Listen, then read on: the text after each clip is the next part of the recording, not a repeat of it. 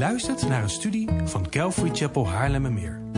We bidden dat de Heer tot je zal spreken en je zult groeien in jouw persoonlijke relatie met de levende God. Bezoek voor meer informatie onze website calvarychapel.nl. Dat is C-A-L-V-A-R-Y-C-H-A-P-E-L.nl. weken geleden zijn wij begonnen aan een driedelige serie over het dienen van God. En we hebben gekeken naar God dienen in gebed, God dienen in geloof en vandaag gaan we kijken naar God dienen in gehoorzaamheid. En wat we gezien hebben tot nu toe is dat gebed en geloof cruciaal zijn voor het dienen van God. Want als je niet bidt, weet je niet wat God precies van je vraagt. Dan weet je niet waar jij door God toe geleid wordt. Dan kan je niet de juiste dingen gaan doen. En door geloof zal je, je de juiste stappen zetten. Dus als je geen geloof hebt, als geloof geen onderdeel is van jouw dienen, dan dien jij niet God, maar dan dien je iets of iemand anders. En het is daarom een logisch gevolg om ten derde te kijken naar gehoorzaamheid. Want je kan bidden wat je wil en je kan geloven wat je wil, maar als je uiteindelijk daarna niet gehoorzaamt, dan mist er iets. Zonder gehoorzaamheid kunnen wij God niet dienen. En als we God niet dienen, als we God niet gehoorzamen, dan gehoorzamen we iemand anders. Dan gehoorzamen we ons eigen hart. Of wat mensen van ons willen. Of misschien zelfs de wereld of de vijand. Dus het gehoorzamen aan God is ongelooflijk belangrijk in het dienen van God. En commentator Edward Welsh heeft gezegd: We zijn soms meer bezorgd over hoe we gezien worden, angst voor mensen, dan dat we bezorgd zijn over zondig handelen, vrees voor God. Einde citaat. En we gaan vandaag twee personen zien die hier keuzes in maken. We gaan koning Saul en we gaan koning David zien. En beide maken keuzes waarbij de een geregeerd wordt door angst voor mensen. Ik zal vast verklappen, dat is koning Saul.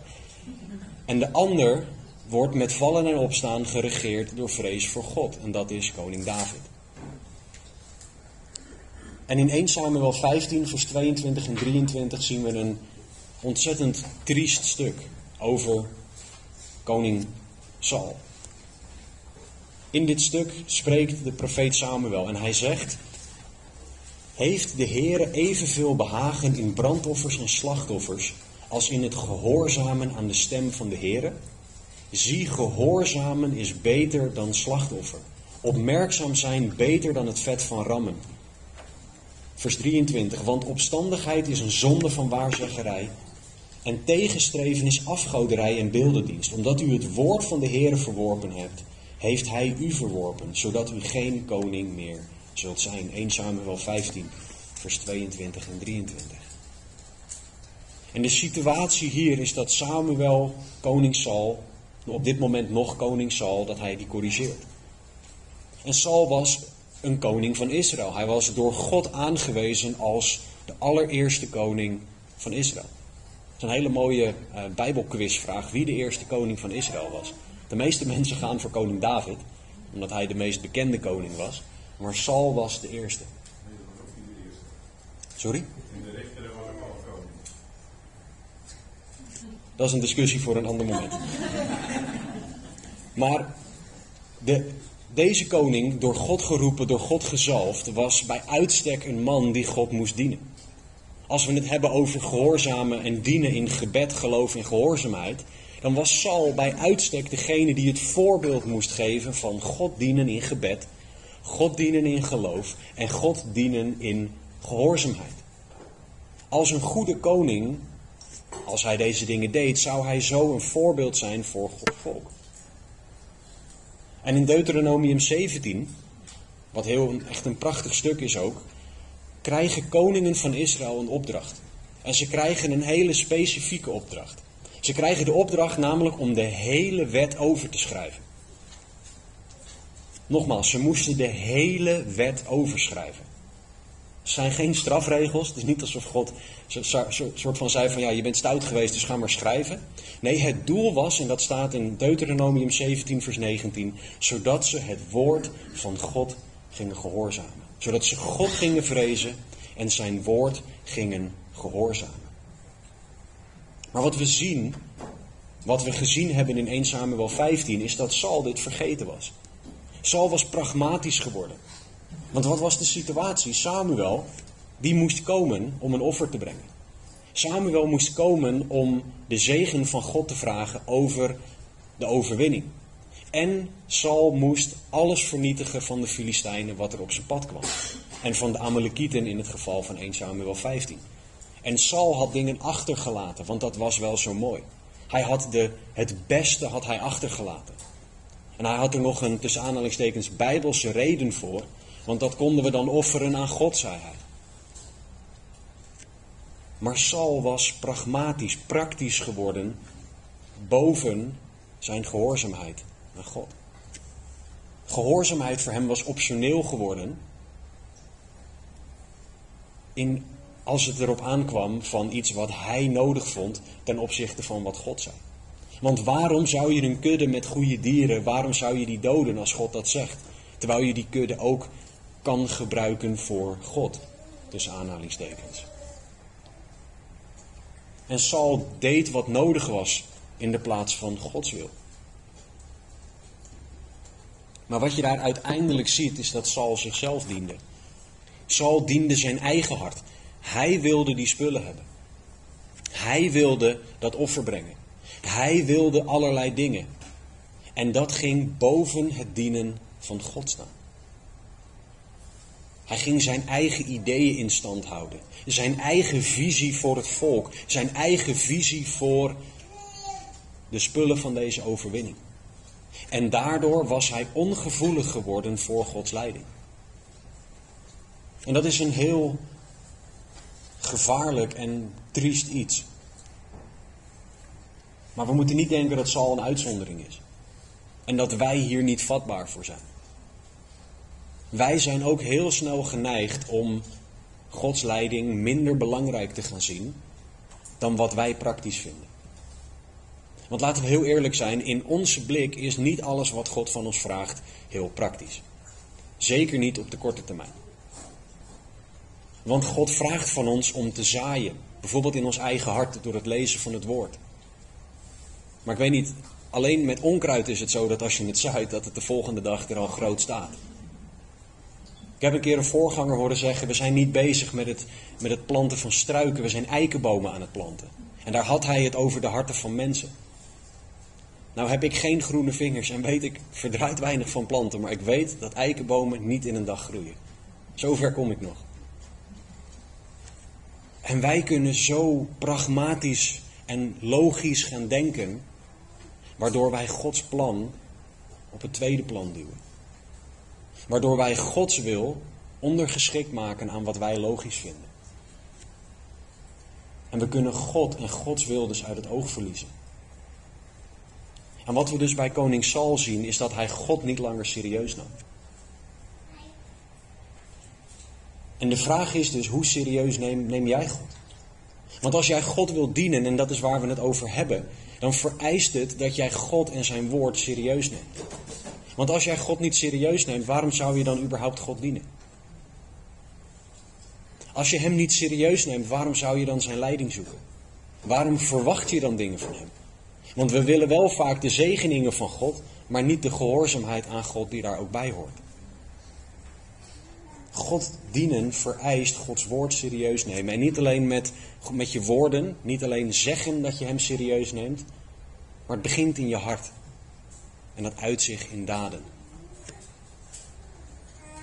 In 1 Samuel 13, als we een stukje teruggaan in 1 Samuel, dan had, had Saul net een prachtige overwinning geboekt over de Filistijnen. En er staat dat hij dan een jaar aan de regering was in vers 1 en dat hij daarna een leger ging, ging um, opzetten. En dan in vers 3 en 4 staat het volgende. Jonathan, 1 Samuel 13, versloeg het garnizoen van de Filistijnen dat in Geba lag. En de Filistijnen hoorden dat. Daarom liet Saul, oh goed opletten, daarom liet Saul in het hele land op de bazuin blazen met de boodschap, laat de Hebreeën het horen. Toen hoorde heel Israël, Saul heeft het garnizoen van de Filistijnen verslagen. En ook is Israël bij de Filistijnen in een kwade reuk gekomen. En vervolgens werd het volk samengeroepen om achter Saul aan naar Gilgal te gaan. Saul is degene die door heel Israël laat horen: Ik heb het gedaan. Ik heb gewonnen. Wat simpelweg een leugen was. Want zijn zoon had het gedaan. Het staat er. Jonathan versloeg het garnizoen van de Filistijnen. In Sauls hart was er iets veranderd. Hij, want het meest juiste was geweest, God heeft ons overwinning over de Filistijnen gegeven. En hij heeft Jonathan daarvoor gebruikt. God is goed. Dat was de beste boodschap geweest. Maar wat laat Saul door Israël horen? Saul heeft het garnizoen van de Filistijnen verslagen. De eer moest naar Saul. Het ging om Saul. Het ging om zijn hart, om zijn prestige, om dat mensen naar hem keken in de plaats van dat mensen God gingen aanbidden. En daar zie je dat er iets in, hart, in Sauls hart gebeurd was en hij nam God niet meer serieus. Jezus verwoordt het als volgt in Lucas hoofdstuk 6, vers 46. Jezus zegt daar: Waarom noemt u mij Heere, Heere, en doet niet wat ik zeg? Saul had nog alle woorden. Alle goede woorden op dit moment. En die woorden die verschoven later. Ook dat hij boos werd op David en andere dingen. Maar hij deed niet langer wat God van hem vroeg. En Jezus kijkt naar gehoorzaamheid met, als je mij Heere, Heere noemt, en dat is juist, dan hoort daarbij dat je hem gehoorzaamt. Dat je God serieus neemt. Dat je degene die jij Heere, Heere noemt, zo serieus neemt dat je hem ook gehoorzaamt. En het woord voor Heere in het Grieks is het woord Kyrios. En dat betekent het woord eigenaar. Of iemand met macht om keuzes te maken. Een Heer. Dat is wie God, dat is wie Jezus voor ons hoort te zijn.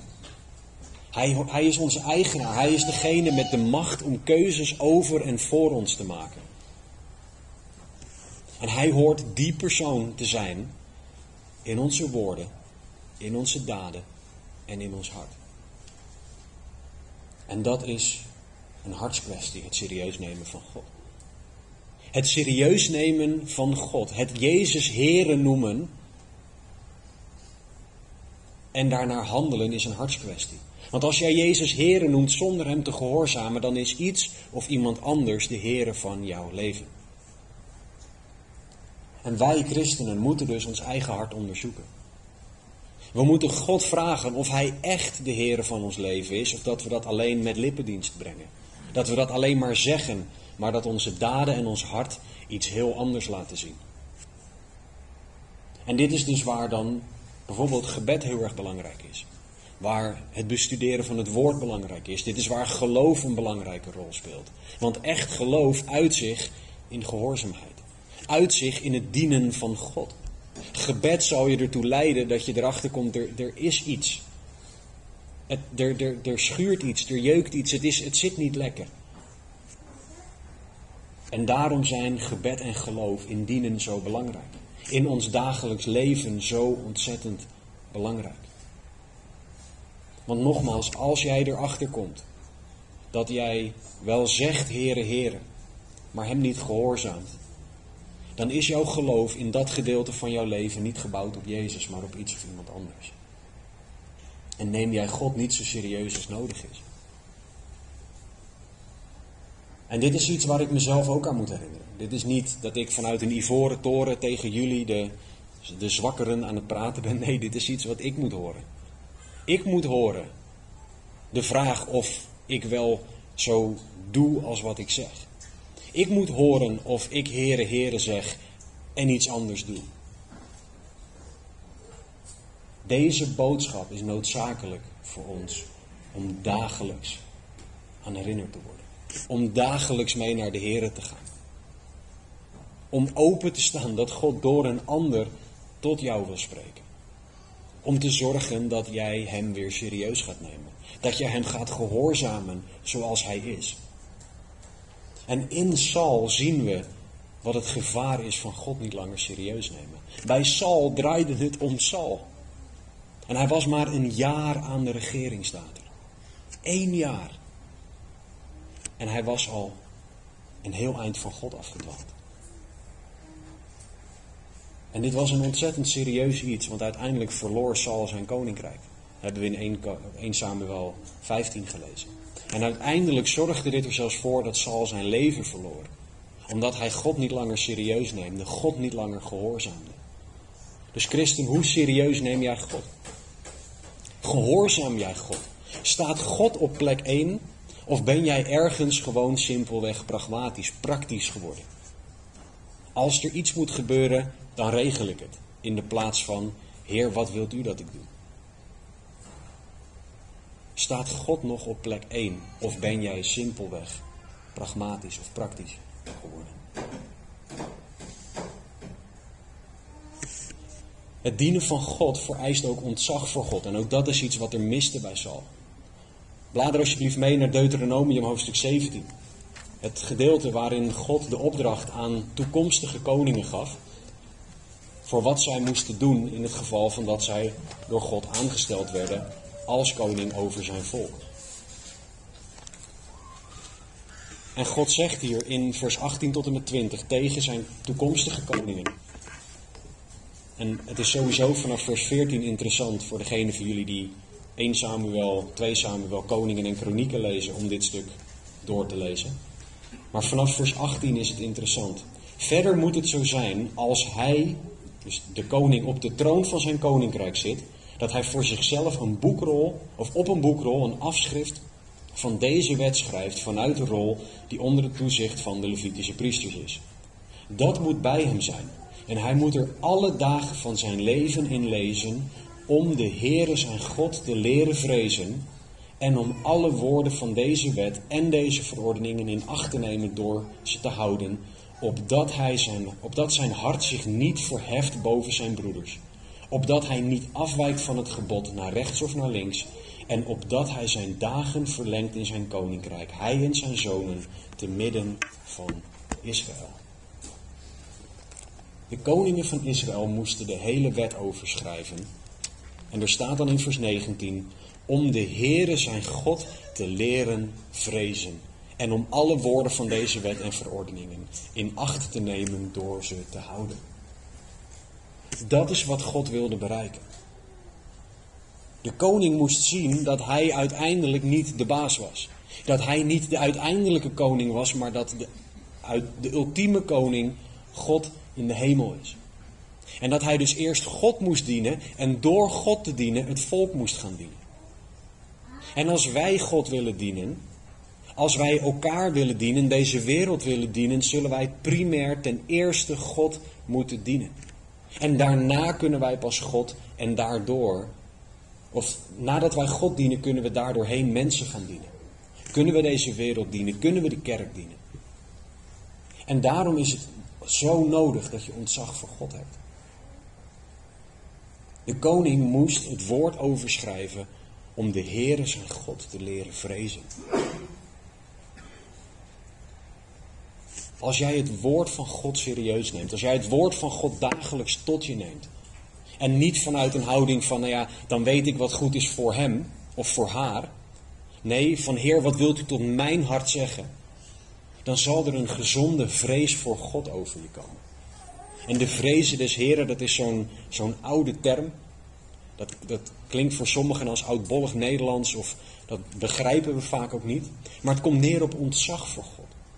Weten wie Hij is en weten hoe ongelooflijk veel groter Hij is dan ik.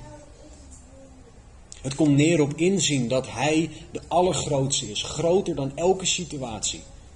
En dat ik daardoor op Hem kan vertrouwen en niet op mezelf. En wat we door het woord heen zien, structureel, is dat God mensen ontzag voor Hem laat krijgen en dat ze daarna Hem kunnen dienen. De volgorde in Deuteronomium 17 is ook niet, Hij schrijft het woord, doet het woord en is daarna mij aan het vrezen. Nee, Hij schrijft het woord over om de Heere zijn God te leren vrezen. Het woord van God moet primair ten eerste een ontzag voor God in ons teweeg brengen. Dat voorbeeld zien we bijvoorbeeld ook bij Jesaja in Jesaja hoofdstuk 6. Hij zag God en zei, wee mij, ik ben een man van onreine lippen. Hij zag hoe klein hij was in vergelijking met God. En daarna vroeg God: Wie zal ik zenden? Wie zal er voor ons gaan? Mozes hetzelfde. Mozes zag God in Exodus 3. En nadat hij God zag in die brandende struik, werd hij door God uitgezonden. Dus wij, broeder, zuster, wij hebben een gezonde vrees voor God nodig om Hem te kunnen dienen. Zonder vrees voor God verliezen we Hem uit het oog. En zonder vrees voor God zullen we een verkeerd beeld van mensen en van onszelf hebben. En zullen wij bijvoorbeeld mensen meer gaan vrezen dan God. En dat merk je bijvoorbeeld aan dat je bezig bent met de vraag: oh, wat denkt die persoon als ik dit of dit ga zeggen? Hoe zal hij of zij erover denken als ik deze stap in geloof zet?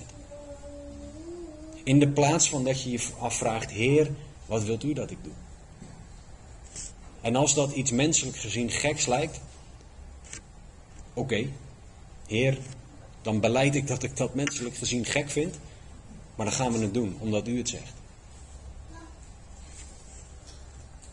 Als jouw vrees voor God afneemt, of als die weg is, dan zal je zonde ook niet langer als zonde gaan zien.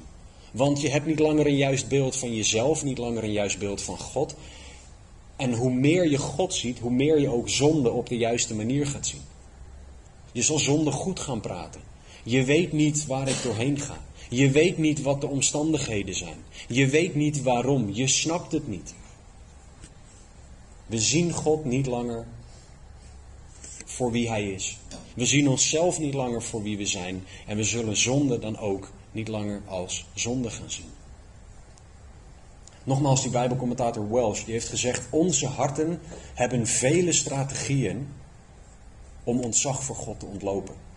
Eén strategie is dat we gehoorzaamheid, de concrete uitdrukking van ontzag voor God, minder belangrijk maken dan onze zorg voor hoe we eruit zien.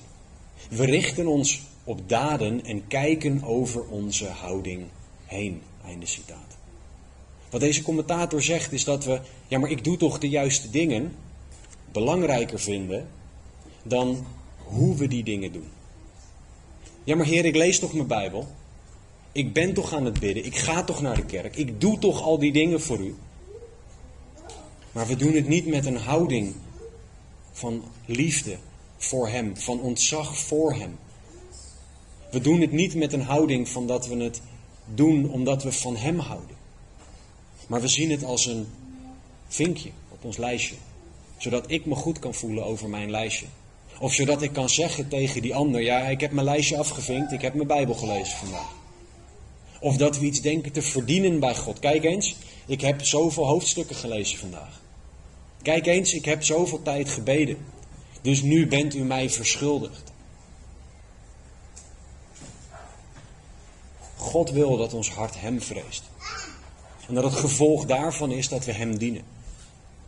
En Hem echt gehoorzamen, God dienen, kan alleen als we echt de Bijbelse vrees voor Hem hebben. En als Zijn woord dat in ons teweeg brengt.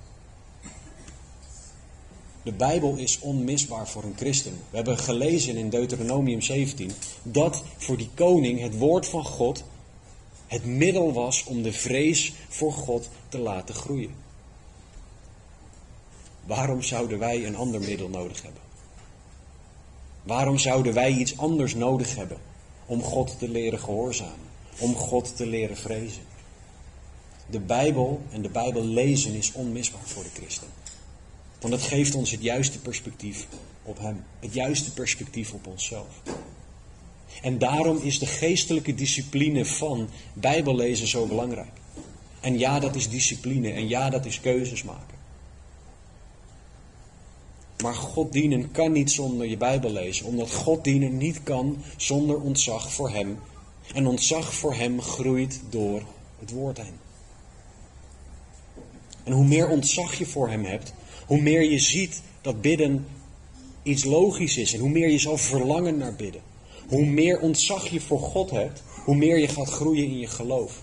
En hoe meer ontzag je voor God hebt, hoe logischer het wordt om Hem in alles te gaan gehoorzamen. Niet alleen in de dingen waar het leuk is. Of waar jij het vanuit jezelf wil. Of waar je het vanuit de kansel van iemand hoort. Maar weet je wie ook weet dat Bijbellezen zo belangrijk voor ons is? De vijand, Satan. En daarom zal hij ervoor zorgen dat we allerlei barrières hebben voor het lezen. En voor de duidelijkheid, ik snap, voor zover ik het kan snappen, dat er dingen zijn die Bijbellezen echt lastig maken. En ook ingewikkeld kunnen maken. Neem iets als dyslexie. Dat zorgt er echt voor dat Bijbellezen, überhaupt lezen, dat dat lastiger wordt. En dat is er. Maar wie is er groter? Als ik mij richt op de reden waarom dingen lastig zijn, dan maak ik die reden groter dan God. Want ik heb dit. Ik worstel hiermee met vermoeidheid, of ik ben geen ochtendmens, of welke barrière wij dan ook op kunnen werpen. En we maken dat groter dan God. In de plaats van dat we zeggen, Heer, ik heb deze barrière. Maar u bent groter. Dus u moet mij helpen, leiden en sturen. U moet mij alles geven wat ik nodig heb om hier doorheen te komen. En om het alsnog te doen.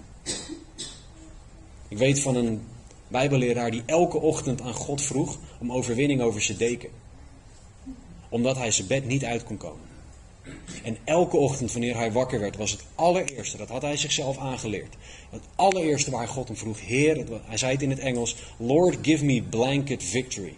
Heer, geef mij overwinning over mijn deken. Hij moest die barrière door van zijn deken van zich afhalen, zodat hij eruit kon gaan om Bijbel te gaan lezen. We moeten leren om God als groter te zien dan elke barrière die er is ten opzichte van Bijbellezen, ten opzichte van God gehoorzamen. En voor de duidelijkheid, ik wil deze dingen ook niet kleiner maken. Ik wil ook niet zeggen van ja, doe niet zo gek, doe niet zo raar. Doe nou gewoon normaal en, en lees nou gewoon je Bijbel. Nee, helemaal niet. Wat ik wil zeggen is dat God groter is. En dat Hij jou kan en wil helpen. Er staat niet voor niets in de Filipense brief dat we alle dingen onder smeken en gebeden bij mogen brengen. Niet alles behalve. Of niet iedereen behalve jij. Of jij of. Wat wij mogen leren als christenen is om onze blik te richten op de God die groter is. Om afhankelijk te zijn van Hem die almachtig is. En te zien dat Hij kan en wil helpen en dat we dat aan Hem mogen vragen. Dus christen, hoe zit het met jouw ontzag voor God? Zorgt jouw ontzag voor God ervoor dat jij Hem uiteindelijk gaat dienen? Zorgt jouw ontzag voor God ervoor dat jij Bijbellezen belangrijk vindt? Als niet, ga terug naar God en vraag Hem om jou meer ontzag voor Hem te geven. Vraag Hem om jou te leiden in het Hem dienen. Vraag Hem om jouw blik op Hem te laten groeien. In de plaats van dat voor jou een barrière steeds groter wordt.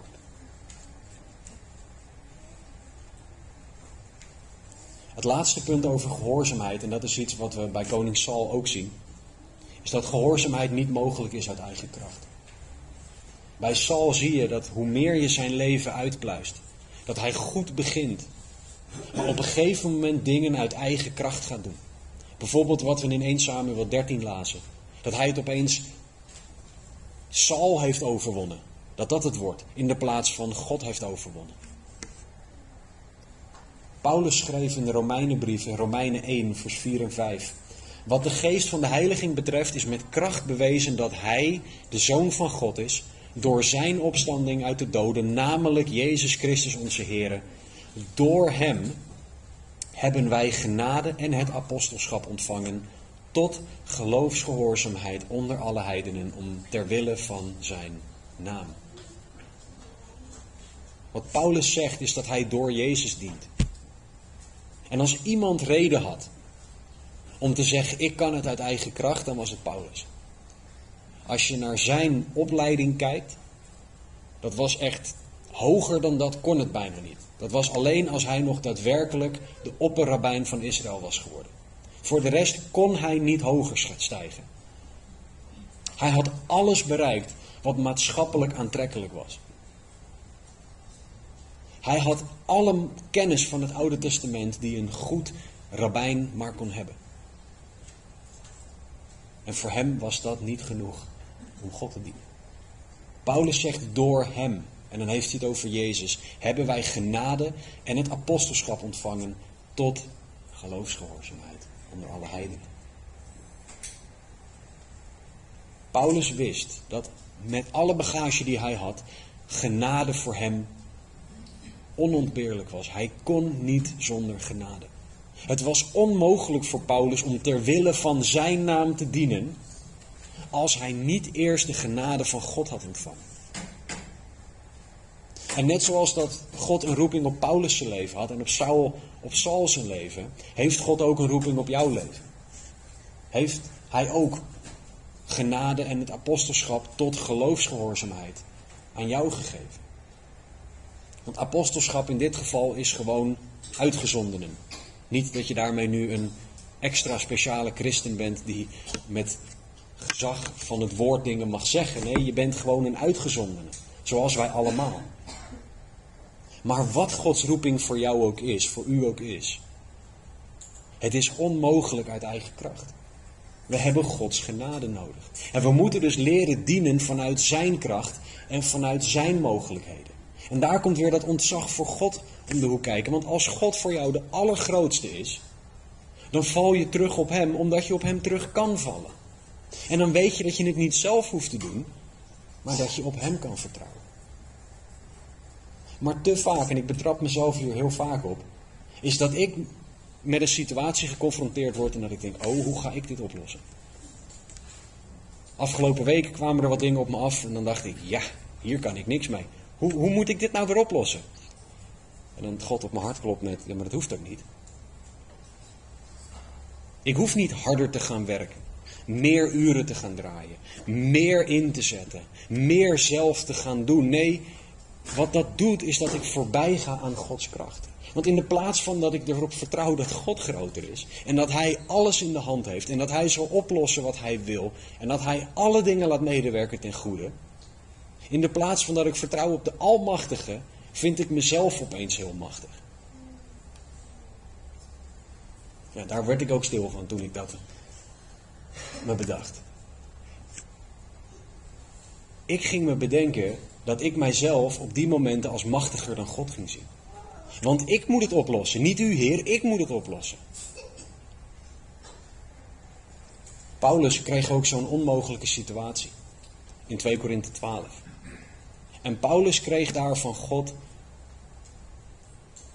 een stuk wijsheid mee, een les, een levensles mee, die Paulus zijn hele leven, denk ik, moest, moest blijven leren.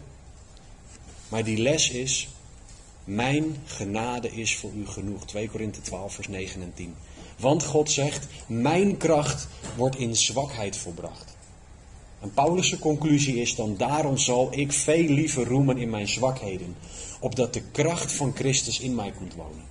Daarom heb ik een behagen in zwakheden, in smadelijke behandelingen, in noden, vervolgingen, in benauwdheden, om Christus wil. Want wanneer ik zwak ben, dan ben ik machtig. Paulus moest leren afhankelijk te zijn van Gods genade. En dit zegt de Paulus die God op machtige manieren heeft mogen dienen. Die door de hele wereld gebruikt is door God. En God zei niet, ik ben afhankelijk van jouw opleiding, Paulus, dus je moet het wel goed doen. Nee, Paulus moest leren afhankelijk zijn van God. Alles moest uit genade. Zoals het boekje van Charles Spurgeon ook zegt. Alles uit genade.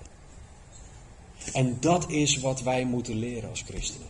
Niet langer uit eigen kracht. Niet langer dingen zelf proberen op te lossen. Maar alles van God verwachten. God zo serieus nemen, God zo vrezen dat wat de situatie ook is, hoe overweldigend groot die ook is, dat we zeggen, Heer, ik vertrouw op u.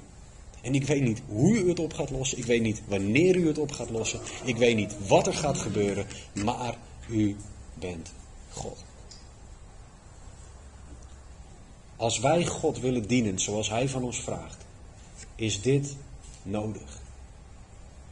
Niet langer uit eigen kracht, maar terugvallen op Gods kracht en op Gods genade.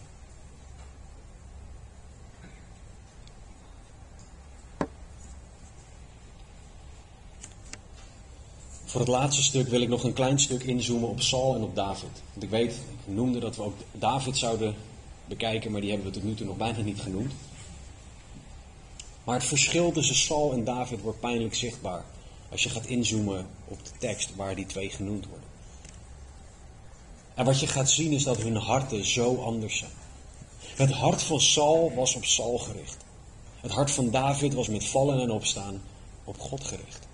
En David wordt niet voor niets een man naar Gods hart genoemd. Maar als we teruggaan naar Saul, nogmaals, Saul begon goed, laten we dat niet vergeten. Het is niet alsof God iemand uitkoos waarvan heel Israël vanaf het begin zei: dat is echt een domme keuze van God.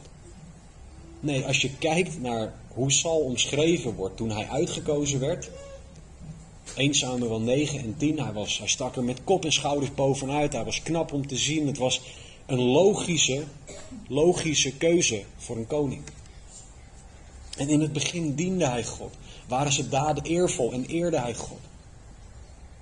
Maar in 1 Samuel 13 gaat het fout. We hebben net daar gelezen over wat, of eerder in de studie gelezen over dat Saul daar zijn hart al op zichzelf richt, maar vanaf vers 8 tot en met vers 14 in 1 Samuel 13 staat het volgende. 1 Samuel 13 vers 8 tot en met 14. Er was hier dus net een inval van, van de Filistijnen was er geweest en Israël had ze verslagen. Of Israël um, moest daarmee om leren gaan, sorry. En Saul, vers 8, wachtte zeven dagen tot het tijdstip dat Samuel bepaald had. Toen Samuel echter niet naar Gilgal kwam, begon het volk zich te verspreiden bij hem, bij Saul vandaan. Toen zei Saul, breng een brandoffer bij mij en dankoffers. En hij, Saul, offerde het brandoffer. Saul was niet van de stam van Levi. Saul mocht dit niet doen. En het gebeurde vers 10 toen hij gereed was met het brengen van het brandoffer dat zie Samuel kwam. Saul ging het kamp uit hem tegemoet om hem te zegenen. En Samuel zei, wat hebt u gedaan? Toen zei Saul, omdat ik zag dat het volk zich begon te verspreiden bij mij vandaan, en omdat u niet op de vastgestelde tijd kwam, en de Filistijnen in Michmas verzameld zijn, zei ik bij mijzelf, nu zullen de Filistijnen op mij afkomen in Gilgal. En ik heb niet getracht het aangezicht van de Heer gunstig te stemmen. Daarom heb ik mijzelf gedwongen om het brandoffer te brengen. Maar Samuel zei tegen Saul, u hebt dwaas gehandeld. U hebt het gebod van de Heere uw God, dat hij u geboden heeft, niet in acht genomen. Anders zou de Heere uw koningschap over Israël voor eeuwig bevestigd hebben. Maar nu zal uw koningschap geen stand houden. De Heere heeft een man naar zijn hart voor zich uitgezocht. En de Heere heeft hem de opdracht gegeven een vorst te zijn over zijn volk. Omdat u niet in acht genomen hebt wat de Heere u geboden had. Hier ging het fout bij Saul. Hij was God ongehoorzaam door in plaats van te wachten op de profeet die het offer moest brengen voordat de strijd aangegaan kon worden, ging hij zelf offeren.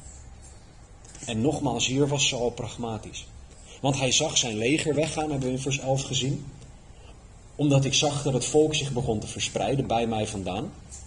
Ten tweede geeft hij Samuel de schuld omdat u niet op de vastgestelde tijd kwam. Dus hé, hey, ik heb gezondigd, maar het is jouw schuld, Samuel. En ten laatste, en omdat de Filistijnen in Michmas verzameld zijn, dus je kent de situatie misschien niet helemaal goed, Samuel.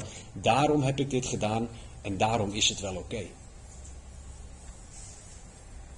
Wat hier opvalt is dat Saul niet erkent dat hij gefaald heeft. Dat hij gezondigd heeft. Er zit hier geen enkel zondebesef in. Er is alleen maar uitleg van ik heb dit gedaan. En ik heb het daarom gedaan. En jij hebt eraan bijgedragen dat ik dit gedaan heb. En de omstandigheden waren zo en daarom is het, ja, daarom is het wat het is. Saul is al, ziet alleen in dat hij gesnapt is, dat hij gepakt is tijdens deze zonde. En hij durft zelfs aan om in vers 12 te zeggen: Daarom heb ik mijzelf gedwongen om het brandoffer te brengen. Ik wilde eigenlijk niet, maar ik heb het toch gedaan. Dit lijkt zo nederig. Maar het is geen zondebesef. In Sauls hart was er iets heel erg fout gegaan.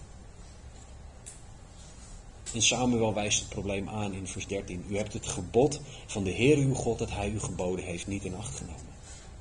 Saul nam God niet langer serieus. Saul had geen vrees voor God meer. En Saul wilde dingen uit eigen kracht doen. En geconfronteerd met zijn zonde geeft hij anderen de schuld. En dit is het hart van iemand die God gehoorzamen niet langer meer de juiste prioriteit geeft. Dit is het hart van iemand die iets of iemand anders meer vreest dan God. Saul vreesde de Filistijnen misschien wel meer. Of het leger dat om hem heen lag. Of zijn image als koning. Maar er was iets dat hij meer vreesde dan God. Laatste keer Bijbelcommentator Welsh. Wat zonde nog lastiger te zien maakt, is dat het vaak meelift op goede dingen. Werk is bijvoorbeeld iets goeds, maar zonde kan je werk nemen en het verhogen tot het punt waar het jou regeert. We worden workaholics die zeggen dat we alles voor de kinderen doen, maar eigenlijk voor onszelf. Hoe zit het dan met de financiën plannen? Het is toch wijs om geld voor later over te hebben? En ook dat is iets goeds. Maar het kan je gaan overheersen waardoor we niet langer overvloedig willen geven. De meeste zonden zijn niet-goddelijke overdrijvingen van dingen die goed zijn. En het resultaat hiervan is dat we zelfs bijbelteksten kunnen geven om ons gedrag te rechtvaardigen, lang nadat het gedrag afgoderij geworden is in ons hart. Einde citaat.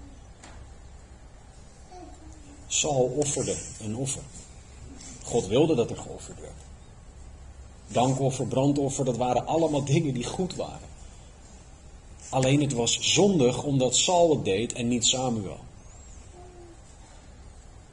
Het feit dat Saul God wilde zoeken door dat offer was iets goeds.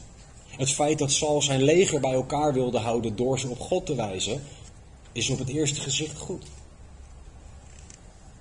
Maar het was zondig omdat hij het niet deed op de manier die God van hem had gevraagd. Het was zondig omdat hij niet deed wat God van hem vroeg. Omdat hij voorbij ging aan Gods woord en hij dus in zijn hart God niet meer serieus nam. In zijn hart God niet meer vreesde. En in zijn hart dingen uit eigen kracht wilde doen. Dus christen, broeder, zuster, hoe zit het met jouw hart?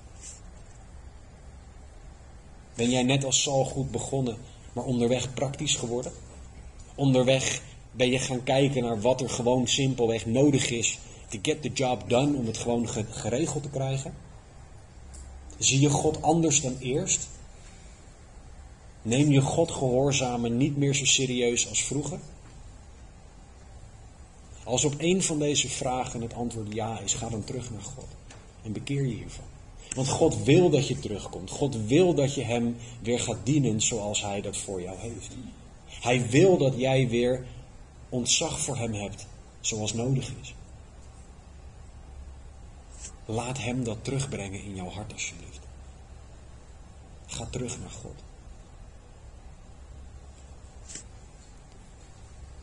Koning David is op bepaalde gebieden gelijk aan David en op bepaalde gebieden anders. Of sorry, David is anders dan Saul en op bepaalde gebieden zijn ze ook gelijk.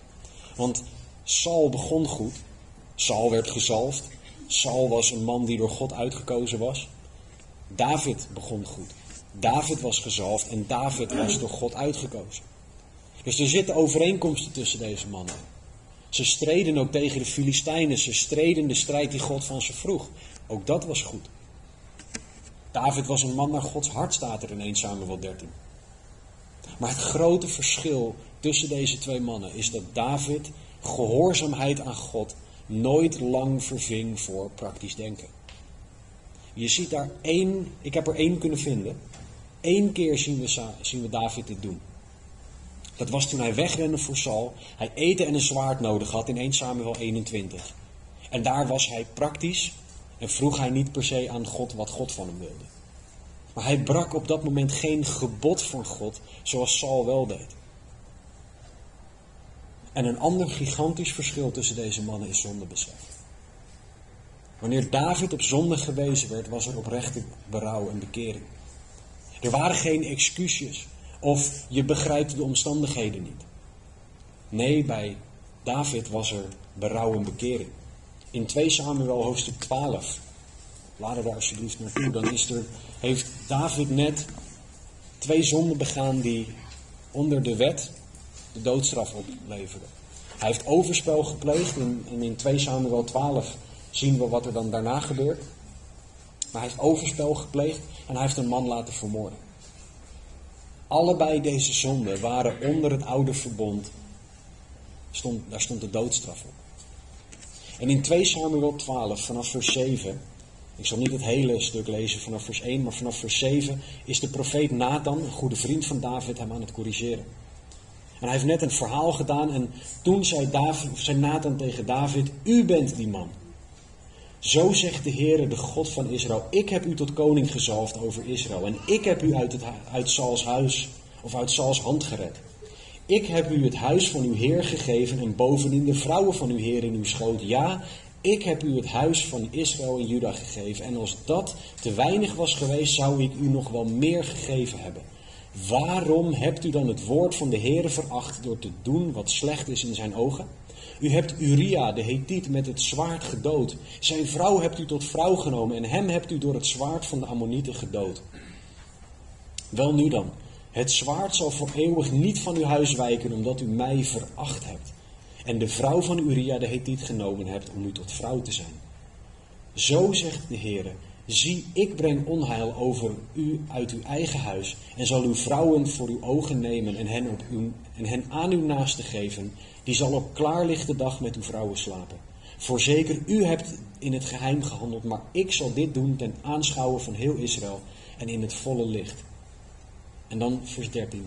Toen zei David tegen Nathan, ik heb gezondigd tegen de Heere. En Nathan zei tegen David, de Heere heeft ook uw zonde weggenomen, u zult niet sterven. Beide, David en Saul, hadden Gods woord overtreden. Beiden moesten de consequenties daarvan dragen. Zowel David als Saul worden door een mens geconfronteerd met hun zonde. En waar Saul allemaal redenen had voor wat hij gedaan had, waar Saul allemaal omstandigheden kon noemen waarom het logisch was wat hij gedaan had, wat hij had gedaan, zegt David alleen, ik heb gezondigd tegen de Heer. Dit is een man die berouw heeft.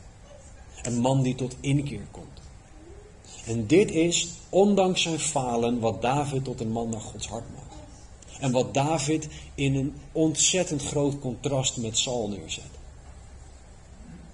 David had zondebesef. Omdat hij steeds terugkwam bij die vrees voor God. Omdat hij terugkwam bij het feit dat God groter was. Als je ook in Psalm 51 kijkt. De psalm die na dit moment geschreven is. Dan staat er tegen u en u alleen heb ik gezondigd. En David wilde terugkomen bij God. In de plaats van afschuiven, in de plaats van vingerwijzen, in de plaats van kijk naar mijn omstandigheden, kijk eens hoe zwaar ik het heb. Nee, David zag wat er echt aan de hand was. En hij keek in de spiegel en zag dat er in zijn hart iets gebeurde. Dat er in zijn hart iets verkeerd was gegaan. Voor David was er maar één reden van zijn falen. En dat was hij zelf. Hij had van alles kunnen noemen. Hij had allerlei redenen kunnen geven. Maar zijn blik was: ik heb gefaald. En deze blik, deze erkenning maakte David een man naar Gods hart. En Saul niet. Wat we zien is dat David God serieus nam. Dat David ontzag voor God had. En dat David afhankelijk was van God. Want hij zegt niet, nou ja, laat me even wat regelen en dan heb ik het gedaan en dan is alles weer goed. Nee, hij vraagt aan God in Psalm 51. Heer, u moet mij schoonwassen. David diende God in gehoorzaamheid. Met vallen en opstaan, dat zien we hier bijvoorbeeld. Maar hij kwam continu terug bij God. Gehoorzaamheid is een rode draad door Davids leven. Je ziet wanneer hij niet gehoorzaam is en welke gevolgen eraan zitten. Maar David kwam continu terug bij het gehoorzamen van God. En christen, dat is ook wat God voor jou, voor u en voor mij wil. Hij wil dat wij hem dienen in gehoorzaamheid. En wat heerlijk is, is dat God geen perfectie als voorwaarde eist. Kijk maar naar een David. Kijk in de spiegel. In al ons falen mogen we Hem dienen. Ondanks al ons falen mogen we Hem dienen. Maar de vraag is, gehoorzaam jij God ook echt?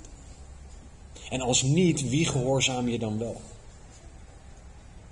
Laat alsjeblieft niet pragmatisch of praktisch denken heersen in jouw leven.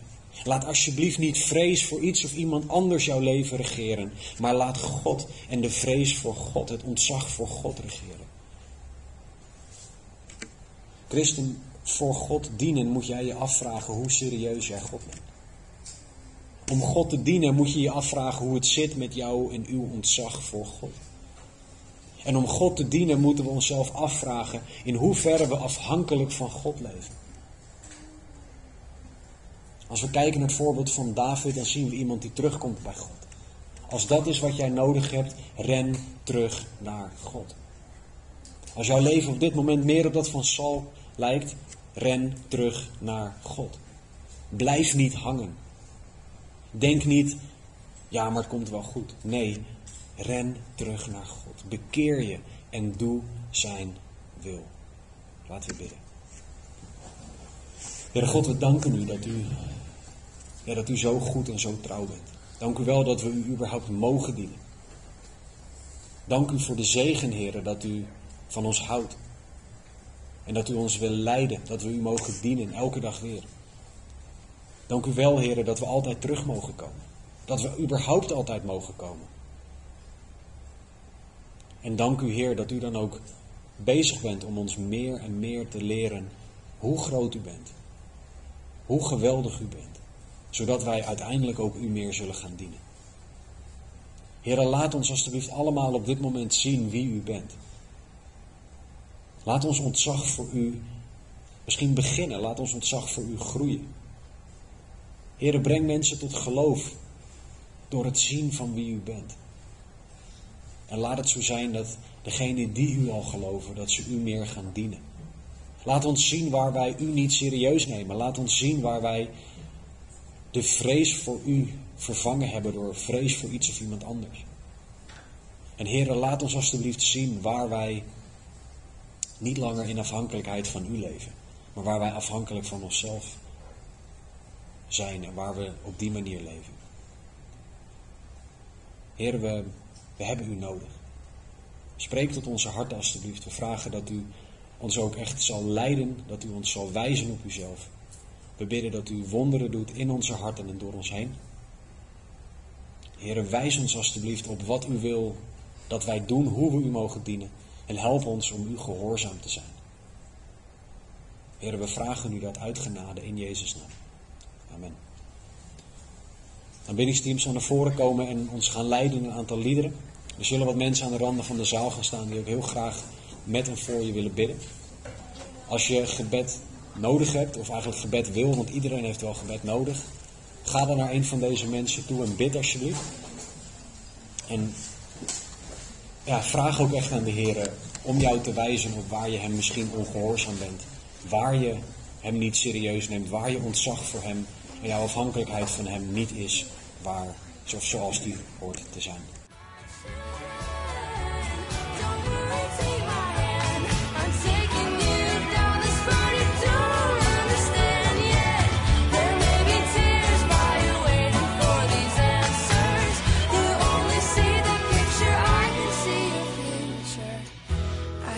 Tell you right now, it's gonna be all.